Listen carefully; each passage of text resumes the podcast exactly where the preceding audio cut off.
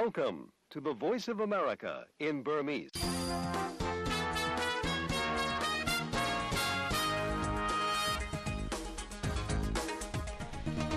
မင်္ဂလာမနက်ခင်းပါရှင်။ VOA American တန်ရဲ့2024ခုနှစ်ဖေဖော်ဝါရီလ9ရက်ဗုဒ္ဓဟူးနေ့မနက်ခင်းအစီအစဉ်တွေကိုမြန်မာစံတော်ချိန်မနေ့6နာရီကနေ9နာရီထိလိုင်းထူမီတာ32 49လှိုင်းလက်မီတာ190တို့ကနေတိုက်ရိုက်ထုတ်လွှင့်နေပါပြီ။ကျွန်မသိင်္ဂီထိုက်ပါရှင်။ အစ္စရေးနဲ့ပါလက်စတိုင်းကြားပြစ်ခတ်ရစရေးနောက်ဆုံးစုပြုချက်ကိုဟာမတ်စ်အဖွဲ့ကတုံ့ပြန်ထားပြီးတော့ဒီတုံ့ပြန်မှုပေါ်မှာစီစစ်သုံးသပ်နေတယ်လို့ကန်နိုင်ငံခြားရေးဝန်ကြီးကပြောပါတယ်။ရွေးကောက်ပွဲရလဒ်ကိုပြောင်းပြဖို့ကြိုးစားရဲဆိုတဲ့ဆွဲချက်မှာသမ္မတဟောင်းထရန့်ဟာသူ့ကိုရေးယူလို့မရဘူးဆိုတဲ့ချီးပားချက်ကိုယူကန်တရားရုံးကနေပြီးပယ်ချပါတယ်။လူမျိုးရေးချင်းနေရရကြောင်းမြန်မာနိုင်ငံရခိုင်ပြည်နယ်ကိုမတော်ဘူးနဲ့ရခိုင်ပြည်နယ်တဲကသူ့ရဲ့နိုင်ငံသားတွေအမြန်ထွက်ခွာဖို့ဆိုပြီးတော့အိန္ဒိယနိုင်ငံကသတိပေးချက်ထုတ်ပြန်ပါတယ်။ မြန်မာဘက်ကလုံခြုံရေးတပ်ဖွဲ့ဝင်တွေဘင်္ဂလားဒေ့ရှ်ဘက်ထွက်ပြေးကြရတဲ့နောက်ဆက်တွဲအခြေအနေမြန်မာနိုင်ငံတွင်းကတရုတ်ထဲချုပ်လုပ်ငန်းတွေပြောင်းရွှေ့နေကြတဲ့အကြောင်းအမေရိကန်လွှတ်တော်မှာဘာမာကော့ကတ်ဖွဲ့စည်းမှုအပေါ်အမေရိကန်စစ်တပ်အငြိမ်းစားဒုတိယဗိုလ်မှူးကြီးဒေါက်တာမီမီဝင်းဖတ်နဲ့ဆက်သွယ်မြင်းမြန်ခန့်တို့ကိုတော့သတင်းတွေပြီးမှနားဆင်ကြရပါမယ်။ အပတ်စဉ်ခဏတွေထဲမှာတော့မြေကြီးဩဇာယူကရိန်းမြန်မာလွတ်မြောက်ရေးနှိုင်းရှင်ချက်အမေရိကန်နိုင်ငံရေးအကြောင်းသိကောင်းစရာနဲ့ကမ္ဘာတလွှာခီးသောအစီအစဉ်တို့ကိုထုတ်လွှင့်မှာဖြစ်ပါတယ်။အခုတော့ထိတ်တန်းရောက်သတင်းတွေကိုဥတ္တမောင်တန်းကတင်ပြပေးပါအောင်ရှင်။အစ္စရေးနဲ့ပါလက်စတိုင်းစစ်သွေးကြွတွေကြားအပြစ်ခတ်ရစဲရေးနောက်ဆုံးအဆိုပြုချက်ကိုဟာမတ်စ်ကတုံ့ပြန်လိုက်တဲ့အကြောင်းအမေရိကန်နိုင်ငံခြားရေးဝန်ကြီးအန်တိုနီဘလင်ကန်ကအင်္ဂါနေ့မှာအတည်ပြုပြောကြားလိုက်ပါတယ်။ Hamas responded tonight. We're reviewing that response now.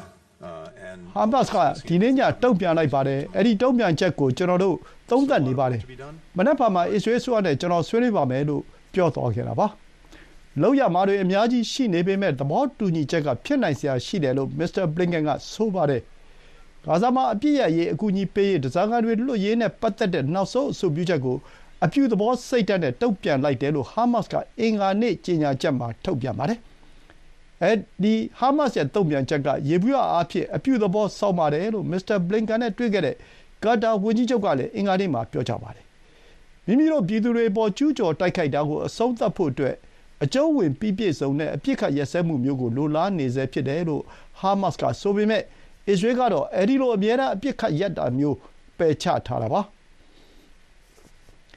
အမေရိကန်သတိပေးချက်ကို မျက်ကွယ်ပြုပြီး ဟူသီစစ်သွေးကြွတွေက သင်္ဘောပစ် ဒုံးကျည်6စင်းကို ပင်လယ်နီထဲ ပစ်ခဲ့တယ်လို့ အမေရိကန် တာဝန်ရှိသူတဦးက VOA ကို ပြောလိုက်ပါတယ်။နိုင်ငံတကာ ရေကြောင်းကုန်သွယ်ရေးလမ်းကို မတိုက်ခိုက်ဖို့နဲ့ တိုက်ခိုက်ခဲ့ရင် အကျိုးဆက်ခံရလိမ့်မယ်လို့ အမေရိကန်က သတိပေးထားခဲ့တာပါ။အမေရိကန်ရေတပ်က အဲဒီ ဒုံးကျည်တွေထဲက အနည်းဆုံးတစင်းကို ပစ်ချနိုင်ခဲ့ပြီး တခြား ဒုံးကျည်တွေက ပင်လယ်ထဲ ကျသွားခဲ့တယ်လို့ အမည်မဖော်လိုတဲ့ အရာရှိတဦးက ပြောပါတယ် အဲဒီလိုအင်္ဂါနေ့ကတိုက်ခိုက်ခဲ့ရာမှာဘာဘေးဒိုအလံတင်ထားတဲ့ UK ပိုင်သင်္ဘောတစင်းအနည်းငယ်ထိသွားခဲ့တယ်လို့ UK လုံခြုံရေးလုပ်ငန်း Ambrey ကပြောပါတယ်။ဖောက်ခွဲရေးပစ္စည်းတွေတင်ထားတဲ့ဟူသီစစ်သွေးကြွတွေရဲ့ဒရုန်းတွေနှစ်စင်းကိုမိမိကိုယ်ကိုကာကွယ်တဲ့အနေနဲ့တိုက်ခိုက်ခဲ့ကြောင်းအမေရိကန်စစ်တပ်ကပြောကြားပြီးနာရီအတော်ကြာမှာဟူသီကခုလိုတိုက်ခိုက်ခဲ့တာဖြစ်ပါတယ်။အမေရိကန်ကဟူသီနဲ့စစ်ဖြစ်နေတာမဟုတ်ကြောင်းဟူသီနဲ့စစ်ဖြစ်ချင်တာလည်းမဟုတ်ကြောင်းဒါပေမဲ့သူတို့ကဆက်လက်တိုက်ခိုက်နေမယ်ဆိုရင်တော့ သူတို့ကိုတိုက်နိုင်စွမ်းရည်လျော့သွားအောင်တော့ဆက်လက်ဖျက်ဆီးရပါလိမ့်မယ်လို့အမေရိကန်ကာကွယ်ရေးဝန်ကြီးဌာနပြောရေးဆိုခွင့်ရှိသူဗိုလ်ချုပ်ပက်ရိုက်တာကတနင်္လာနေ့ကပြောလိုက်ပါတယ်သမ္မတဖြစ်တာကြောင့်2020ရွေးကောက်ပွဲကိုဥပဒေမဲ့ပယ်ဖျက်ဖို့ကြံစည်ခဲ့တယ်ဆိုတဲ့ဆွဲဆိုခြင်းကနေမစ္စတာထရမ့်မှာကင်းလွတ်ခွင့်မရှိဘူးလို့ဝါရှင်တန်အယူခံတရားရုံးကအင်္ဂါနေ့မှာတညီတညွတ်တည်းဆုံးဖြတ်လိုက်ပါတယ်သမ္မတဖြစ်တာဝန်ရှိနေစဉ်နောက်ဆုံးရက်တွေမှာလုပ်ခဲ့တာကြောင့် သမ္မတတယောက်ရဲ့တာဝန်ဝတ္တရားတွေနဲ့ဆက်စပ်နေပြီးသမ္မတကိုတရားစွဲလို့မရတဲ့အတွက်ဒီအမှုကိုစွဲဆိုမရဘူးလို့မစ္စတာထရမ့်နဲ့သူ့ရှေ့နေတွေကလျှောက်ထားခဲ့ကြတာပါ။တရားရုံးမှာတရားသူကြီး၃ယောက်ကစဉ်းစားခဲ့ပြီး၃မဲ၃ညမဲနဲ့ဆုံးဖြတ်ခဲ့တာဖြစ်ပါတယ်။သမ္မတဟောင်းမစ္စတာထရမ့်ဟာနိုင်ငံသားတယောက်ဖြစ်လာပြီးအခြားသောရာဇဝတ်ကြောင်းအရစွဲဆိုခံရသူအားလုံးခုခံသလိုမျိုးခုခံရမှာဖြစ်တယ်လို့တရားရုံးကဆိုပါတယ်။ ရွေးကောက်ပွဲကိုလွှတ်တော်ကအတည်ပြုရာမှာဖီလာကန့်လန့်လုပ်ဖို့ဒုတိယသမ္မတအပြင်ပြည်နယ်ရွေးကောက်ပွဲတာဝန်ရှိသူတွေနဲ့တရားရေးဌာနကိုဖိအားပေးခဲ့ပြီးမဲမသမာမှုရှိတယ်လို့မစ္စတာထရမ့်ကမှားယွင်းစွာပြောဆိုခဲ့ကြောင်းအစိုးရအထူးရှေ့နေမစ္စတာဂျက်စပစ်ကမစ္စတာထရမ့်ကိုတရားစွဲဆိုခဲ့တာပါ။သမ္မတဟောင်းထရမ့်မှာစွဲဆိုချက်ပေါင်း1992ခုနဲ့ဒီအမှုပြင်အခြားရာဇဝတ်မှုသုံးမှုကိုလည်းရင်ဆိုင်နေရပါတယ်အမားမလုပ်ခဲ့ပါဘူးလို့မစ္စတာထရမ့်ကတော့ပြောပါတယ်။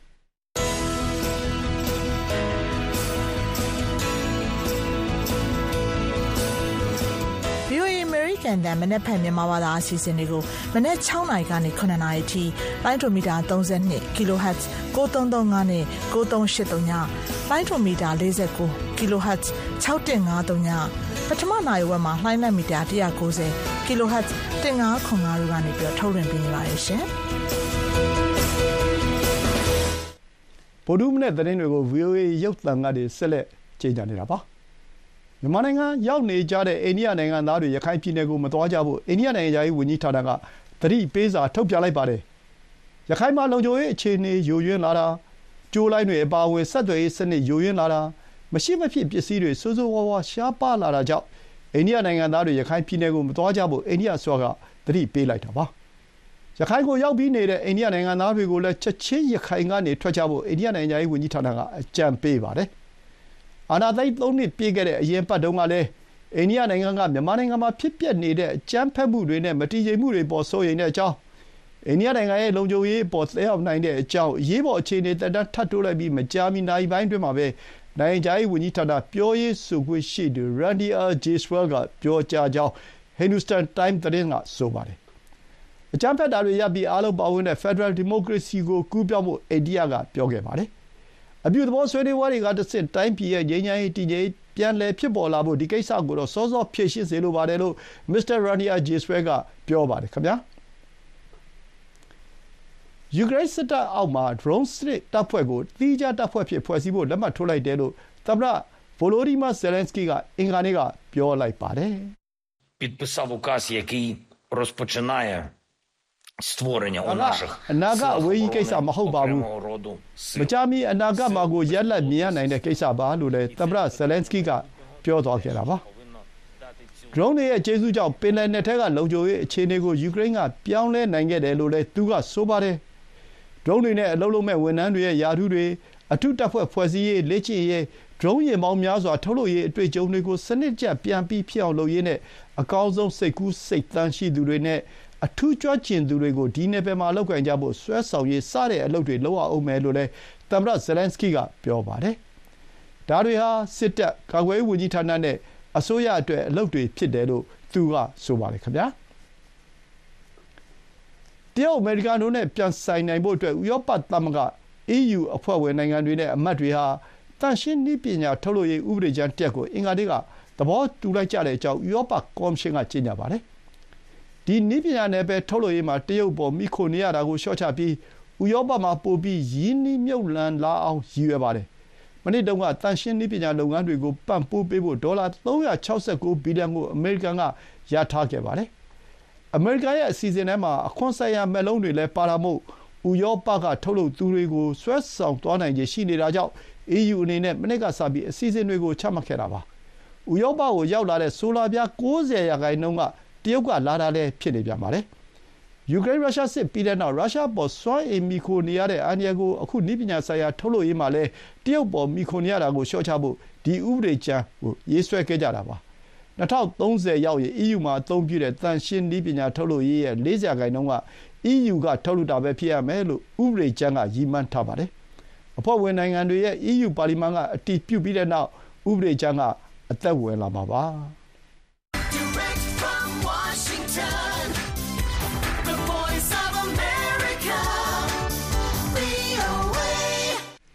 သတင်းတွေကိုဥတင်မောင်တန်ပြောပြပေးခဲ့တာပါရှင်အခုတော့သတင်းဆောင်မတွေကိုအလှည့်ပေးပါမယ်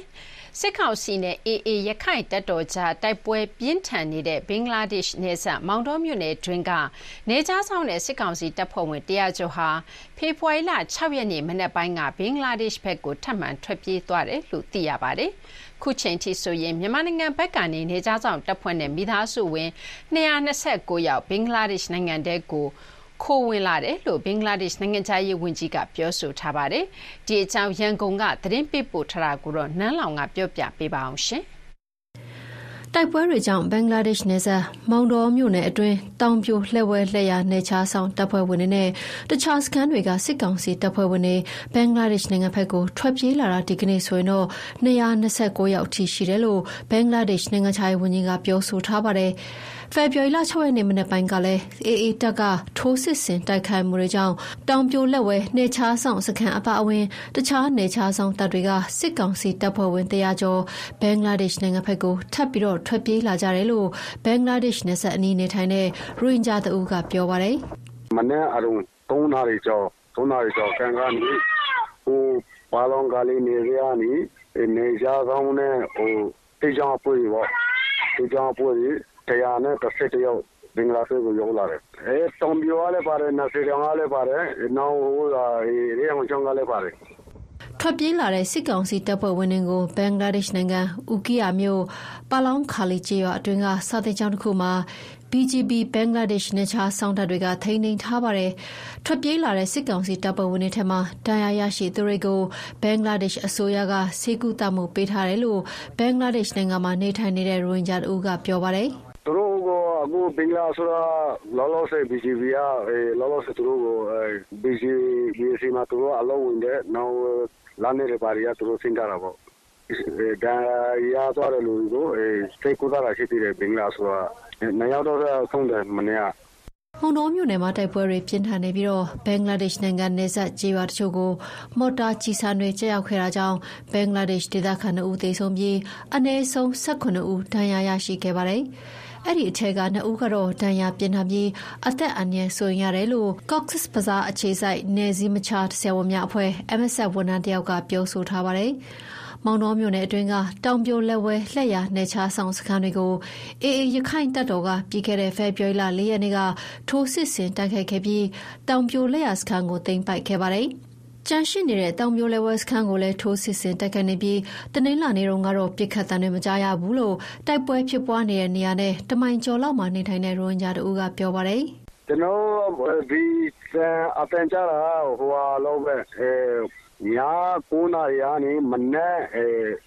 ရှင်းနေတယ်ပေါ့အဲခုနနေ့ခုနနေ့ခွေးတယ်ပေါ့အပြန်ပြန်ထိုက်တယ်အခုမကြသေးဘူးအခုနနေ့နေနေပြီ ဒါအပြင် ရခိုင်မြောက်ပိုင်းကကြောက်တော် မြောက်ဦး မင်းပြားနဲ့ ရသေ့တောင်မြို့နယ်တွေမှာရှိတဲ့ စစ်ကောင်စီဗျူဟာကုန်းတွေနဲ့ တပ်စခန်းတွေကိုအေးအေးကထိုးစစ်ဆင်ပြီး တိုက်ပွဲပြင်းထန်နေတယ်လို့ ရခိုင်ဒေသခံတို့ကပြောပါတယ်။ကြောက်တော်တို့ မြောက်ဦး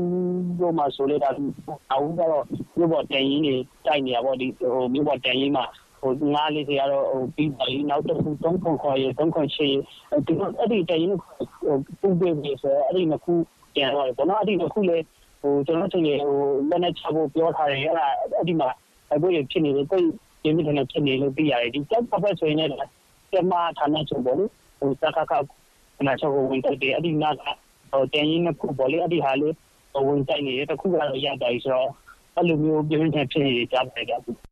ခုလိုတိုက်ပွဲတွေကြောင့် ရခိုင်မြောက်ပိုင်းကတိန်းနဲ့ချီတဲ့ ဒေသခံတွေ အိုးအိမ်ဆုံးခွာ ထွက်ပြေးနေကြပြီး စားဝတ်နေရအခက်ကြုံနေရပါတယ်။ဒါအပြင် တိုက်ပွဲပြင်းထန်နေတဲ့အမောင်တော်မြို့နယ် ဘင်္ဂလားဒေ့ရှ်နယ်စပ်ချန်စီယိုအနီး စစ်ကောင်စီ လေကြောင်းတိုက်ခိုက်မှုတွေကြောင့်လည်း ဒေသခံအတော်များများ ဘေးလွတ်ရာကို တိမ်းရှောင်နေကြရပါတယ်။ရန်ကုန်မှာရှိတဲ့ တရုတ်အထည်ချုပ်စက်ရုံတချို့ဟာ ကုန်ကြမ်းနဲ့ အထည်မှာတွေ မရတော့တာကြောင့် မြန်မာနိုင်ငံက ထွက်ခွာနေကြပါတယ်။ အထူးသဖြင့်မြန်မာနိုင်ငံရေးမတည်ငြိမ်မှုကြားမှာတရုတ်လုပ်ငန်းရှင်တွေဟာလုပ်ခလစာတိုးမပေးနိုင်တဲ့ပြဿနာတွေချုပ်ထည်အမှာအော်ဒါသစ်တွေမရတာတွေကြောင့်တရုတ်နိုင်ငံယူနန်ပြည်နယ်ရွှေလီမြို့ကိုရွှေ့ပြောင်းနေကြတာပါ။ဒီအကြောင်းရန်ကုန်ကသတင်းပေးပို့ထားတာကိုကိုစီသူပြောပြပေးပါမယ်ရှင်။ရန်ကုန်တိုင်းထဲကတရုတ်ထည်ချုပ်စက်ရုံတချို့ဟာ ပြည်တွင်းမှာရှိတဲ့လုပ်ငန်းတွေကို ရပ်နားပြီးတော့ တရုတ်နိုင်ငံ ရွှေလီမြို့မှာ ပြောင်းရွှေ့လုပ်ကိုင်နေကြကြောင်း ရွှေလီမြို့က မြန်မာလုပ်ငန်းရှင်တချို့က VOA ကို ပြောပါတယ်။နယ်စပ်ဖြတ်ကျော်လာတဲ့ မြန်မာနိုင်ငံသား အများအပြားလည်း ဒီစက်ရုံတွေမှာ အလုပ်လုပ်နေကြကြောင်း ဌာနဆိုင်ရာတွေနဲ့နှီးစပ်တဲ့ ရွှေလီမြို့က မြန်မာလုပ်ငန်းရှင်တဦးက VOA ကို ပြောပါတယ်။ကျွန်တော်တို့ သိရသလောက်ကတော့ဗျာရန်ကုန်က တရုတ်ပိုင်စက်ရုံတွေက ကျွန်တော်တို့ဟိုရွှေလီနယ်စပ်ဘက်ကို အကုန်ပြောင်းကုန်ကြတယ်။ကျွန်တော်တို့ အထည်ချုပ်ပေါ့ဗျာ။ဖုတ်တုစက်ရုံတို့ အထည်ချုပ်တို့က စက်ရုံတွေကသူတို့ဝန်ထမ်းတွေပြောတယ်ဗျာ6ရုံလောက်ရှိတယ်ဗျအုပ်စုစက်ရုံအထည်ချုပ်စက်ရုံကိုဗစ်ကပ်ရောဂါနဲ့အာဏာသိမ်းနောက်ဆက်တွဲရိုက်ခတ်မှုကြောင့်ရန်ကုန်မှာရှိတဲ့တရုတ်ထည်ချုပ်စက်ရုံတွေဟာအလုသမားဆန္ဒပြတာတွေအထည်ထပ်မရတာတွေကုန်ကျန်းပြက်လက်တာတွေနဲ့ရင်ဆိုင်ခဲ့ရပါတယ်ဒီလိုအခြေအနေတွေကြောင့်ပိတ်သိမ်းခဲ့တဲ့စက်ရုံတွေရှိတယ်လို့လုံသမားရှော့ချပြီးတော့ရသလောက်လဲပတ်နေသူတွေလည်းရှိနေတာပါအထက်အော်ဒါချပေးတဲ့နိုင်ငံတွေကလည်းပြည်တွင်းအခြေအနေကြောင့်အထက်ထပ်မအပ်တော့ပဲအ ထက်ကျုပ်စက်ရုံတွေကို အာရှနိုင်ငံတချို့စီကို ပြောင်းရွှေ့ဖို့ ဖိအားပေးခဲ့ကြပါတယ် ဒါကြောင့် တချို့စက်ရုံတွေက စစ်ကောင်စီ အာဏာသိမ်းပြီးနောက်ပိုင်းကတည်းက တဖြည်းဖြည်း ရွှေ့ပြောင်းသွားခဲ့ကြောင်းလုံသမားသမဂ္ဂတချို့က VOA ကို ပြောပါတယ်ထူးသဖြင့် ရန်ကုန်တိုင်း ငွေပင်လယ်စက်မှုဇုံက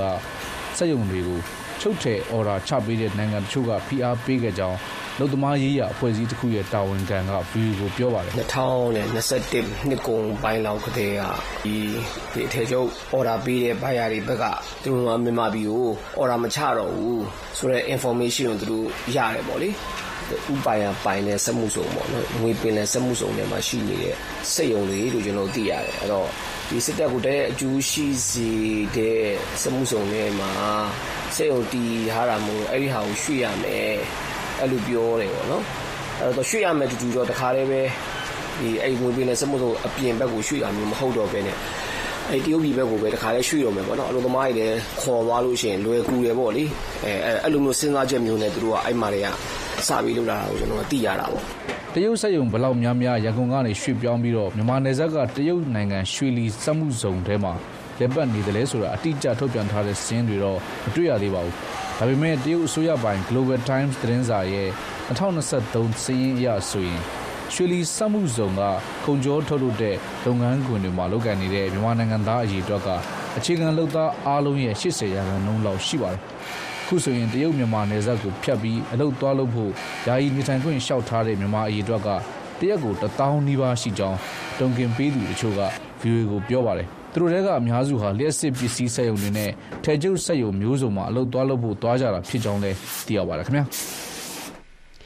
အမေရိကန်လွှတ်တော်တွင်မြန်မာ့ရေးရာကိစ္စရပ်တွေကိုရီပတ်ဘလီကန်ရောဒီမိုကရက်ပါတီနှစ်ရပ်လုံးပူးပေါင်းလုပ်ဆောင်တဲ့အဖွဲ့ Burma Caucus ကိုတည်ထောင်လိုက်ခြင်းအားဖြင့်မြန်မာ့အရေးလုပ်ဆောင်ရာမှာတစုတစည်းတည်းလုပ်ဆောင်နိုင်မယ့်အင်အားစုဖြစ်သွားကြောင်းအမေရိကန်စစ်တပ်အငြိမ်းစားဒုတိယ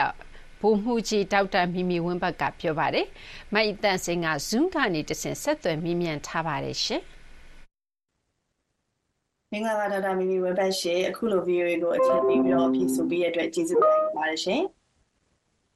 ကျေးဇူးတင်ပါတယ်အာကျွန်မဒီမစခင်ပေါ့နော်ကျွန်မ disclaimer လေးပြောဖို့လိုအပ်ပါတယ်ကျွန်မအခုဒီနေ့ပြောသွားတဲ့ comment တွေကနော်အားလုံးအာတင်ပြသွားတဲ့ဥစ္စာတွေအားလုံးကကျွန်မပုဂ္ဂိုလ်တယောက်အနေနဲ့ပြောတာပါဘယ်အဖွဲ့ကိုမှကိုယ်စားလှယ်ကိုစားပြီးပြီးတော့ပြောတာမဟုတ်ပါဘူးလို့ပထမပြောချင်ပါတယ်ဟုတ်ကဲ့ကျေးဇူးပါရှင် အခုကျွန်မမေးချင်တာကတော့ဗောနော်ဒီ February လ1ရက်နေ့2024အာမြန်မာနိုင်ငံမှာစစ်အာဏာသိမ်းမှု3နှစ်ပြည့်တဲ့နေ့မှာပဲ American လွှတ်တော်အတွင်းမှာ Republican ရော Democrat ရောပါတီနှစ်ရပ်လုံးပူးပေါင်းပြီးတော့ဗောနော်မြန်မာအရေးကိုအာရုံစိုက်မဲ့အဖွဲ့ Burma Caucus ကိုဖွဲ့စည်းလိုက်ပါတယ်ဒီ Burma Caucus ကိုဖွဲ့စည်းလိုက်တာကြောင့်ဒီမြန်မာအရေးမှာဘယ်လိုမျိုးတက်ရောက်မှုရှိပါလဲရှင်อืมဟုတ်တယ် ပထမဒီဒီသုံးနှစ်မြောက်မှာပေါ့နော်ဒီဒီဒီအဖွဲ့အစည်းတကယ်တရားဝင်ဖြစ်သွားတယ်ဆိုတဲ့ဥစ္စာလည်းအရန်အရန်ကောင်းတယ်နောက်ပြီးအဲ့အဲ့ကအဲ့လိုဖြစ်နိုင်ဖို့အတွက်ကလည်းဒီမှာမှာရှိနေတဲ့ you know ပြည်ပမှာရှိနေတဲ့မြန်မာတွေနော်ပြည် US ထဲမှာ America မှာရှိနေတဲ့မြန်မာတွေအားလုံးပူးပေါင်းဆောင်ရွက်လိုက်လို့ဒီဥစ္စာတစ်ခုကဖြစ်လာတာဆိုတော့အများကြီးကျွန်မပြောတယ်ပူးပေါင်းဆောင်ရွက်လို့ရှိရင်အများကြီးအောင်မြင်တယ် right ဆိုဒီဥစ္စာပထမဆုံးပြောချင်တယ်ဒီဖြစ်လာဒီအထူးဖွဲ့ ဖွဲ့လိုက်တဲ့အခါကျတော့အခုမြန်မာနိုင်ငံနဲ့မြန်မာရေးရာနဲ့ပတ်သက်ပြီးတော့ US Congress မှာနော်ပို့ပြီးတော့အာ focus ပေါ့နော်အဓိကထားပြီးတော့အာအာယုံပြုပြီးတော့ပို့ပြီးတော့လုပ်နိုင်လိမ့်အရင်တော့လုပ်နေတာကျတော့ informal ပေါ့နော်တကယ်အဖွဲ့အစည်းမရှိဘဲနဲ့ဟိုကတယောက်တစ်ပေါက်နည်းနည်းပပလုပ်တာရှိတယ်အဲဒါကြောင့်မလို့လေဒီဒီမြန်မာနိုင်ငံနဲ့ပတ်သက်ပြီးတော့ဥစားတိတ်ပြီးတော့ထိထိရောက်ရောက်မလုပ်နိုင်ရအောင် အများကြီးတော့အောင်မြင်ပါတယ်ဒါပေမဲ့အခုဒီဥစ္စာနောက်တစ်ဆင့်ပေါ့နော် next level next now now level ဖြစ်သွားပြီဆိုတော့အဲ့ဒီအဖွဲ့ကမြန်မာနိုင်ငံနဲ့ပတ်သက်ပြီးတော့ပူပြီးတော့အာပူပြီးတော့ view site ပြီးတော့နော်အဓိကထားပြီးတော့ဒီ US Congress တင်မှာအသေးအချာအာဒီဥစ္စာ advocate ပေါ့နော်ပူပြီးတော့ဆောင်ရွက်ပေးနိုင်တယ်လို့ကျမတို့အာထင်ပါတယ် Burma Caucus မြန်မာရေးရာကိုအထူးလုံးမဲ့ဒီအောက်လွတ်တော်တဲမှာပေါ့နော်ဖွဲ့တဲ့အဖွဲ့ကနေပြီးတော့သူတို့ရည်ရွယ်ချက်တွေကိုလည်းပြောသွားတယ်အဲ့မှာမြန်မာနိုင်ငံရဲ့ဒီမိုကရေစီကိုထောက်ခံမယ်မြန်မာနိုင်ငံတွင်းကလူ့အခွင့်အရေးချိုးဖောက်မှုတွေဆက်ပြီးတော့မဖြစ်အောင်လည်းစူးစမ်းမယ်လို့ပြောတယ်ဒီအဖွဲ့ဖွဲ့လိုက်ခြင်းအပြင်ဒီမြန်မာနိုင်ငံမှာဘယ်လိုခန်းကဏ္ဍတွေကိုတိုက်ရိုက်တက်ရောက်မယ်လို့အာယူဆပါလဲရှင် အာဒါဒီအဖွဲ့อ่ะပေါ့နော်ခုနကကျွန်မပြောသွားသလိုပဲဒီမြန်မာနိုင်ငံရေးရပတ်သက်ပြီးတော့ပို့ပြီးတော့ဟို view site ပြီးတော့ပို့ပြီးထိထိရောက်လုပ်နိုင်တယ်ပထမဆုံးကျတော့ကျွန်မခုနပြောသလိုအာဒီ Burma Act နဲ့ပတ်သက်ပြီးတော့ပေါ့နော်ဒီ budget လိုတဲ့ဥစ္စာအဲ့ဒီ budget တွေကိုမရရတဲ့နည်းနဲ့ဒီအဖွဲ့ကလုပ်ပေးဖို့အများကြီးလုပ်ပေးနိုင်မယ်နောက်ပြီးတော့ဟိုအာဒီအာ sanction တွေ sanction တွေလုပ်တဲ့အခါမှာလေ sanction တွေကိုပို့ပြီးတော့ထိရောက်အောင်အတွက်သူတို့တခါတည်းဒီသူတို့ သူတို့က Congress ဆိုတော့သူတို့က White House နဲ့ပို့ပြီးတော့အမြင်မြန်ဆန်ဆန်ဆက်ဆံလို့ရရနိုင်တယ်ဆိုတော့အဲ့ဒီဥစ္စာမျိုးကြီးဆိုလို့ရှိရင်သူပို့ပြီးတော့အာပို့ပို့ပို့မလုံနိုင်တယ်နောက်တစ်ခုကအာဒီအခုရှိနေတဲ့အာအာ humanitarian assistant တွေပေါ့နော်အဲ့ဒီဥစ္စာတွေကိုလည်းပို့ပြီးတော့ထိထိရောက်ရောက်လုပ်နိုင်ဖို့အတွက်သူတို့လုပ်ပေးလို့ရတယ်အာလုပ်ပေးနိုင်တယ်လို့ပြောလို့ရတာပေါ့နော်လုပ်ပေးနိုင်တယ်ဒီဒီအဖွဲ့က focus နောက်တစ်ခုကျတော့ကျမတို့ဒီဒီအဖွဲ့ထဲမှာသူတို့ဗာလေရည်ရွယ်ချက်ချထားတာတစ်ခုကဒီ administration မှာ special envoy special envoy တခုကိုခန့်ဖို့လိုတယ်ဆိုတော့အဲ့ဒီဥစ္စာနဲ့ဒီဒီဒီ special envoy နဲ့ခန့်လိုက်မယ်ဆိုလို့ရှိရင်ပုံမှုပြီးတော့ပေါ့နော်သူဒီဒီတယောက်ကဒီမြန်မာနိုင်ငံအတွက် special envoy ဆိုပြီးတော့ပို့ပြီးတော့အာထိရောက်စွာအဓိကထားပြီးတော့လုံနိုင်မယ်လို့ကျမတို့အာခံယူထားပါတယ် ဟုတ်ကဲ့ပါရှင်အဲဆိုလို့ရှိရင်ဒီမြန်မာနိုင်ငံနဲ့ပတ်သက်ပြီးတော့ဒီအမေရိကန်အစိုးရကနေပြီးတော့ဒီ၃နှစ်ပြည့်မှာလေအရေးယူတန်ခတ်ပိတ်ဆို့မှုတွေအသစ်ချထားပါတယ်ဆိုတော့ဒီအဖွဲ့ဖွဲ့လိုက်ခြင်းအပြင်ဒီလိုမျိုးတန်ခတ်ပိတ်ဆို့မှုတွေထပ်တိုးဖို့အားပေးရရောက်မယ်နောက်ပြီးတော့ Burma Act ပေါ့ American အစိုးရတဲမှာမြန်မာနိုင်ငံအတွက်အသုံးစရိတ်အတွက်တိုးဖို့ရည်ရွယ်ချက်လည်းပါပဲနောက်ပြီးတော့မြန်မာနိုင်ငံဆိုင်ရာအထူးတန်တမန်ခန့်အပ်ပေးဖို့အတွက်ကိုဒီအာ Burma Caucus ကနေပြီးတော့အဲ တွန်းအားပေးနိုင်မယ်ပေါ့နော်လွတ်တော်ထဲမှာပေါ့အဲ့ဒါဆိုလို့ရှိရင်ဒီလွတ်တော်ထဲမှာအရင်တော့လို့တစုအရင်တော့လို့တပွဲတပြားတည်းတယောက်တစ်ပေါက်စီလွတ်တာမဟုတ်ဖိနေတစုတည်းတွန်းအားပေးနိုင်တယ်လို့ပြောလို့ရတာပေါ့ရှင်ဟုတ်တယ်အဲ့ဒီဥစ္စာဟိုနည်းဖြစ်သွားတာပေါ့အာ ဒီဥစ္စာသူတို့အလုံးတယောက်တစ်ပေါက်လုပ်နေတဲ့ဥစ္စာကိုတစ်ခါတည်းစုပေါင်းလိုက်တဲ့အခါကျတော့သူတို့လည်းပို့ပြီးတော့အင်အားကြီးတာပေါ့နော်အင်အားကြီးပြီးတော့အချိန်လည်းပိုရလာအဲနောက်ပြီးတော့လည်းအခုအချိန်မှာမြန်မာ၃နှစ်ကြာကြာမှာပေါ့နော်ဒီမြန်မာလူမျိုးတွေကလည်း အထဲကနေပြီးတော့ပြထားတယ်ဒီဥစ္စာနိုင်နိုင်တယ်စစ်တပ်ကိုသူတို့အများကြီးအခုသူတို့ပိုင်းသူတို့အောင်မြင်အောင်တိုက်နိုင်ပြီဆိုတာလည်းပြတာတယ်ဆိုတော့သူတို့ဒီဘက်ကလည်းအရန်ပဲအားတက်တာပေါ့နော်ဆိုအဲနှစ်ခုလုံးဒီသုံးနှစ်မြောက်မှာဖြစ်တာတော့ next level မြန်မာနိုင်ငံအတွက်နောက်တစ်ဆင့်ပေါ့နော်တိုးတက်ဖို့အာဒီ pro democracy force တွေအတွက်ကိုဥပဒေတိုးတက်ဖို့အချိန်အချိန်လာဖို့များတယ်လို့ပြောလို့ရတယ် ဟုတ်ကဲ့ပါရှင်အခုလို video ကိုအချိန်ပေးပြီးတော့ဖြည့်ဆိုပေးရတဲ့အတွက်ကျေးဇူးတင်ပါတယ်ရှင်ကျေးဇူးပါတရုတ်ကားထုတ်လုပ်တဲ့ကုမ္ပဏီ BYD ဟာသူတို့ရဲ့လျှက်စစ်ကားတွေကိုအင်ဒိုနီးရှားနိုင်ငံမှာမိတ်ဆက်လိုက်ပါပြီ။ဒီအကြောင်း AP သတင်းဆောင်မကိုအခြေခံပြီးအလိမ္မာကပြောပြပေးပါအောင်ရှင်။တရုတ်ကားကုမ္ပဏီ BYD ဟာသူတို့ရဲ့လျှက်စစ်ကားတွေကိုနှစ်သက်မှာစတင်ဖို့မိတ်ဆက်ခဲ့ပါတယ်။ BYD ရဲ့ Seal အမျိုးအစားကားကိုစင်မြင့်ထက်မှာအားပေးမှုတွေနဲ့အတူတွေ့ရပါတယ်။တရုတ်ကားကုမ္ပဏီ BYD ဟာအင်ဒိုနီးရှားနိုင်ငံမှာသူတို့ရဲ့ကားတွေကိုတရားဝင်မိတ်ဆက်လိုက်တာဖြစ်ပါတယ်။သူတို့ရဲ့ရွေချက်ကအရှိတောင်အာရှရဲ့လျှက်စစ်ကားဈေးကွက်ကိုဥဆောင်နိုင်မှုပါ။ဒီကားမိတ်ဆက်ပွဲမှာလူကြိုက်အများဆုံးဖြစ်တဲ့ BYD ကားကုမ္ပဏီရဲ့စမ်းသစ်တီထွင်ထားတဲ့ကားအမျိုးအစား၃မျိုးကိုအင်ဒိုနီးရှားကားစီကွာမှာပြသခဲ့ပါတယ်။ and the largest country in Southeast Asia with significant development in အင်ဒိုနီးရှားနိုင်ငံကစက်မှုစွမ်းအားနဲ့စီးပွားရေးမှာတည်တည်တာတာဖွံ့ဖြိုးတိုးတက်မှုရှိတဲ့အရှိတောင်အာရှမှာအကြီးဆုံးနိုင်ငံဖြစ်ပါတယ်။ဒီတော့ဈေးကွက်မိတ်ဆက်ဖို့ကုမ္ပဏီတော်တော်များများအတွက်မဟာဗျူဟာမြောက်နိုင်ငံဖြစ်လာပါတယ်။ကျွန်တော်တို့တိုးတက်မှုအခြေအနေကတော့အစိုးရညွှန်ကြားချက်နဲ့ကိုက်ညီပြီးတော့ကျွန်တော်တို့စီစဉ်ထားသလိုဒီနှစ်နောက်ပိုင်းမှာဒီကားတွေကိုစထုတ်ဖို့အတွက်လမ်းကြောင်းပေါ်ရောက်နေပြီဆိုတာကိုဝမ်းမြောက်စွာကြေညာခြင်းပါတယ်။ လက်ရှိမှာတော့အင်ဒိုနီးရှားနိုင်ငံရဲ့မြို့ကြီးတွေမှာကမ္ဘာကြီးပူနွေးလာမှုနဲ့လေထုညစ်ညမ်းမှုအပါအဝင်တဘာဝပတ်ဝန်းကျင်ဆိုင်ရာပြဿနာမျိုးစုံကိုရင်ဆိုင်နေရတာပါ။ဒါကြောင့်2060ခုနှစ်မှာကမ္ဘာလုံးဆိုင်ရာဓာတ်ငွေ့ထုတ်လုပ်မှုလုံးဝတုံညရောက်ဖို့လျှက်စစ်ကားထုတ်လုပ်မှုဟာအရေးကြီးတဲ့အခန်းကဏ္ဍမှာပါဝင်ပါတယ်။ BYD ကုမ္ပဏီနဲ့ တခြားလျှက်စစ်က EV ထုတ်လုပ်သူတွေရဲ့ ပင်မတည်ရှိမှုဟာ နိုင်ငံတွင်း သဘာဝပတ်ဝန်းကျင် ထိန်းသိမ်းဖို့ လျှက်စစ်ကသုံးစွဲမှုကို အားကောင်းစေမှာ ဖြစ်ပါတယ်။ dari in- informasi yang kami dapat saat uh, berbincang dengan eksekutif BYD BYD ကုမ္ပဏီကတာဝန်ရှိသူတွေပြောတဲ့အချက်အလက်အရယင်းနှိမ့်ညွတ်နှံမှုကဒေါ်လာ1.3ဘီလီယံရှိပါတယ်။ထုတ်လုပ်မှုစွမ်းရည်ကတသိန်းခွဲဖြစ်ပြီးတော့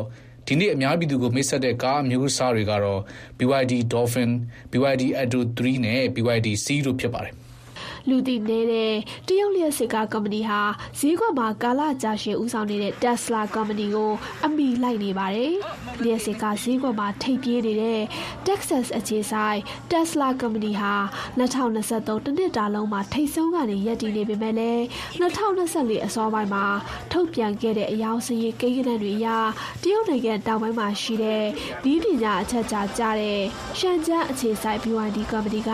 2023ခုနှစ်နှစ်ကုန်ကနေနောက်ဆုံး၃လမှာ Tesla ကုမ္ပဏီကိုအလဲထိုးနိုင်ခဲ့ပါတယ်။2024ခုနှစ်အစောပိုင်းမှာအင်ဒိုနီးရှားနိုင်ငံသမ္မတဂျိုကိုဝီဒိုဒိုဟာဗီယက်နမ်အခြေစိုက်မော်တော်ကားကုမ္ပဏီ VinFast စက်ရုံကိုတွားရောက်လည်ပတ်ခဲ့ပါတယ်။ ဒီခင်းစင်မှာအင်ဒိုနီးရှားနိုင်ငံမှာနိုင်ငံစုံအတွက်စက်ရုံစောက်ဖို့နဲ့မြင်းမြန်ရင်းနှီးမြှုပ်နှံနိုင်ဖို့လိုအပ်တဲ့အရာတွေကိုလှုံ့ဆော်မယ်လို့သမ္မတဂျိုကိုဝီဒိုဒိုကပြောကြားခဲ့ပါတယ်။အင်ဒိုနီးရှားနိုင်ငံမှာအမေရိကန်ဒေါ်လာ1.2ဘီလီယံရင်းနှီးမြှုပ်နှံပြီးတော့နှစ်စဉ်ကားအစီးရေ9000ထုတ်လုပ်နိုင်တဲ့စက်ရုံစောက်မယ်လို့ဗီယက်နမ်နိုင်ငံရဲ့လျှက်စစ်ကားထုတ်လုပ်တဲ့ကုမ္ပဏီကဆိုပါတယ်။ လျှက်စစ်ကားငားတဲ့လုပ်ငန်းဖြစ်တဲ့ Green SM အများစုကိုပိုင်ဆိုင်တဲ့မော်တော်ကားကုမ္ပဏီ VinFast တီထောင်သူကလည်းအင်ဒိုနီးရှားနိုင်ငံမှာအမေရိကန်ဒေါ်လာတန်900ရင်းနှီးမြှုပ်နှံမဲ့အစီအစဉ်ကိုကြေညာခဲ့ပါတယ်။ဂိုးချက်တဲယူပို့ဆောင်ရေးဝန်ဆောင်မှုလုပ်ငန်းမှာရိုးရိုးအငှားတက္ကစီကားတွေကနေလျှက်စစ်ကားအဖြစ်ပြောင်းနိုင်အောင်ကူညီပေးဖို့ BYD ကားကုမ္ပဏီကအင်ဒိုနီးရှားနည်းပညာကုမ္ပဏီ PT Go to Go Jet Tokopedia TPK နဲ့သဘောတူညီလက်မှတ်ရေးထိုးခဲ့ပါတယ်။အင်ဒိုနီးရှားနိုင်ငံမှာ BYD ကုမ္ပဏီကဒေသခံမိတ်ဖက်တွေနဲ့ပူးပေါင်းပြီးတော့2018ခုနှစ်ကတည်းကအများပြည်သူတည်ယူပို့ဆောင်ရေးအတွက်လျှက်စစ်ဘတ်စ်ကားတွေနဲ့လျှက်စစ်တက္ကစီအငှားယာဉ်တွေကိုပံ့ပိုးကူညီခဲ့တာပါရှင်။ကျွန်မလေးပါပါ။ VOA မြန်မာပိုင်းအစီအစဉ်ရဲ့ရေဒီယိုရုပ်သံအစီအစဉ်တွေကို VOA ရဲ့ website စာမျက်နှာဖြစ်တဲ့ burmese.voanews.com မှာအတန်လွှင့်တဲ့အချိန်နဲ့တပြေးညီတိုက်ရိုက်ထုတ်လွှင့်ပေးနေသလိုပဲ VOA မြန်မာပိုင်းအစီအစဉ်ရဲ့လူမှုကွန်ရက် Facebook နဲ့ YouTube စာမျက်နှာတို့ကနေလည်းတိုက်ရိုက်ထုတ်လွှင့်ပေးနေပါတယ်ရှင်။ VOA American တန်ကနေ့စဉ်တင်ဆက်ပေးနေတဲ့နောက်ဆုံးရကဘာနဲ့မြန်မာသတင်းတွေသတင်းဆောင်မတွေကိုအီးမေးလ်သတင်းလွှာအဖြစ်နဲ့ VOA ပေးသက်တွေစီကိုနေ့စဉ်အရောက်ပို့ပေးနေပါတယ်ရှင်။အခုဆိုရင်ဒီအီးမေးလ်သတင်းလွှာကို Facebook စာမျက်နှာကနေပြီးတော့လွယ်လွယ်ကူကူတောင်းယူနိုင်ပါတယ်။ Facebook အသုံးပြုတဲ့သူတွေအနေနဲ့ VOA မြန်မာပိုင်း Facebook စာမျက်နှာမှာ sign up ဆိုတဲ့အပြာရောင်အတန်းလေးကိုနှိပ်လိုက်ရင်အလိုလျောက်ကျမတို့ရဲ့ internet ပင်မစာမျက်နှာပေါ်ကအီးမေးလ်သတင်းလွှာတောင်းယူနိုင်တဲ့နေရာကိုရောက်ရှိပါတယ်။ VOA မြန်မာပိုင်းပင်မစာမျက်နှာမှာဆိုရင်လည်းသတင်းတွေအောက်မှာဝန်ဆောင်မှုများဆိုတဲ့ခေါင်းစဉ်နဲ့နေ့စဉ် email သတင်းလွှာဆိုတဲ့စာသားလေးတွေ့ရင်တော့အဲ့ဒီကနေပြီးတော့ email သတင်းလွှာတောင်းယူနိုင်ပါတယ်။နောက်တစ်နည်းကတော့ VOA မြန်မာ email လိပ်စာ bambi@voanews.com ဒါမှမဟုတ်ရင်လည်း VOA မြန်မာ Facebook Messenger ကနေပြီးတော့ကိုယ့်ရဲ့ email လိပ်စာကိုရေးပို့လိုက်ပါနော်။ email လိပ်စာကိုတေချာမှတ်အောင်ရေးပို့ဖို့တော့လိုပါတယ်။နေ့စဉ်တစ်နေ့နှစ်ကြိမ်ပို့ပေးနေတဲ့ email သတင်းတော်ကသတင်းကောင်းစင်တွေနဲ့သတင်းအချင်းချုပ်ကိုတစုတစည်းလေးရရှိနိုင်အောင်လို့စီစဉ်ပေးထားပါတယ်။ VOA ပြည်သက်အတွက်သတင်းတွေကိုရေဒီယိုရုပ်မြင်သံကြားနဲ့အင်တာနက်တို့ကနေအရောက်ပို့ပေးနေပါတယ်ရှင်။ မင်္ဂလာမနက်ခင်းပါရှင်။ VOA အမေရိကန်အသံရဲ့2024ခုနှစ်ဖေဖော်ဝါရီလ9ရက်ဗုဒ္ဓဟူးနေ့မနက်ခင်းအစီအစဉ်တွေကိုလှိုင်းဒိုမီတာ32 kHz 9335နဲ့9383ညလှိုင်းဒိုမီတာ49 kHz 6153ည လှိုင်းလမီတာ190 kHz 1505တို့ကနေဆက်ပြီးတော့ထုတ်လွှင့်ပေးနေပါတယ်။အခုဒုတိယပိုင်းအစီအစဉ်မှာတော့မြေကြီးဩဇာယူကရိန်းမြန်မာလွတ်မြောက်ရေးနှိုင်းရှင်ချက်အမေရိကန်နိုင်ငံရေးအကြောင်းတိကောင်းစရာနဲ့ကမ္ဘာတလွှားခီးသွားအစီအစဉ်တို့ကိုနားဆင်ကြရမှာဖြစ်ပါတယ်။အခုအရင်ဆုံးတော့မြေကြီးဩဇာအစီအစဉ်ကိုထုတ်လွှင့်ပါမယ်ရှင်။ မြန်မာနိုင်ငံရဲ့လေယာမြေဥပဒေမှာလေမြေဆိုရင်စဘာတစ်မျိုးတည်းကိုသာစိုက်ရမယ်လို့သတ်မှတ်ထားတဲ့အတွက်လက်တွေ့အခြေအနေနဲ့ကိုက်ညီခြင်းမရှိပါဘူး။ဒါနဲ့ပတ်သက်ပြီးတော့လေ့လာထားတဲ့ကိုခင်မောင်စိုးမင်းကအခုလိုတင်ဆက်ထားပါတယ်ရှင်။ မြမြန်မာနိုင်ငံ2012စိုက်ပျိုးရေးဥပဒေအရစိုက်ပျိုးမြေအများဆုံးဖြစ်တဲ့လယ်မြေတွေပေါ်မှာ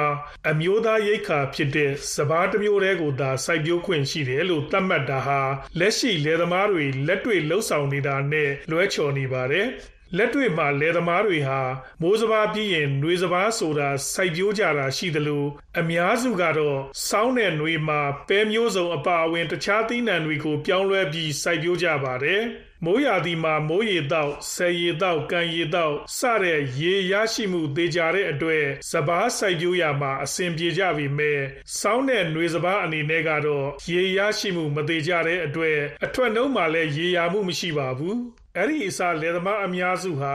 စောင်းပိုင်းနဲ့ຫນွေပိုင်းမှာရေရရှိမှုတိတ်မလိုအပ်တဲ့ပဲမျိုးစုံနဲ့တခြားသီးနှံတွေကို ပြောင်းလဲစိုက်ပျိုးတာကအကျိုးအမြတ်ပုံမရရှိကြပါတယ်။လက်တွေ့အရာလဲလယ်သမားတွေကသူတို့ရဲ့စိုက်ပျိုးမြေကိုဘယ်လိုအသုံးချရင်ကောင်းမလဲဆိုတာနားလည်ကြတဲ့အတွက်ချမှတ်ထားတဲ့ဥပဒေတွေကိုဂရုစိုက်ကြတာလည်းမရှိပါဘူး။အဲ့ဒီလိုလယ်မြေပေါ်မှာတခြားသီးနှံကိုစိုက်ပျိုးတဲ့အတွက်အရေးယူတားမြစ်တာတော့မရှိသလောက်ရှားပါပါတယ်။ သို့သောပြဋ္ဌာန်းထားတဲ့2012လေယာမြေဥပဒေဟာလက်တွေ့အခြေအနေနဲ့ကိုက်ညီခြင်းမရှိတော့ဘူးလို့တောင်သူလယ်သမားအရေးဆောင်ရွက်နေသူတွေကထောက်ပြကြပါတယ်။ဒါနဲ့ပတ်သက်ပြီးမြေလက်ဒေသအခြေစိုက်ပြီးလေယာမြေဥပဒေရေးရာနဲ့တောင်သူလယ်သမားအခွင့်အရေးတင်နန်းတွေပေးနေသူတဦးကအခုလိုပြောပြပါတယ်။ဟို2012နေရာမြေဥပဒေကတော့အဲ့ဒီစဘာကိုတော့မဖြစ်မနေစိုက်မှာပေါ့လေ။လေမာစဘာကိုမဖြစ်မနေစိုက်ပြီး တခြားသီးနှံတွေကတော့လွတ်လွတ်လပ်စိုက်လို့လို့ရတယ်ဆိုတဲ့ဟာမျိုးပြဋ္ဌာန်းထားတယ်။ဒါပေမဲ့ဥပဒေတွေကကျွန်တော်တို့တောင်သူတွေသမားတွေရဲ့လက်တွေ့ဘဝနဲ့အဟတ်မညီရာတွေရှိတယ်။မိုးမှာ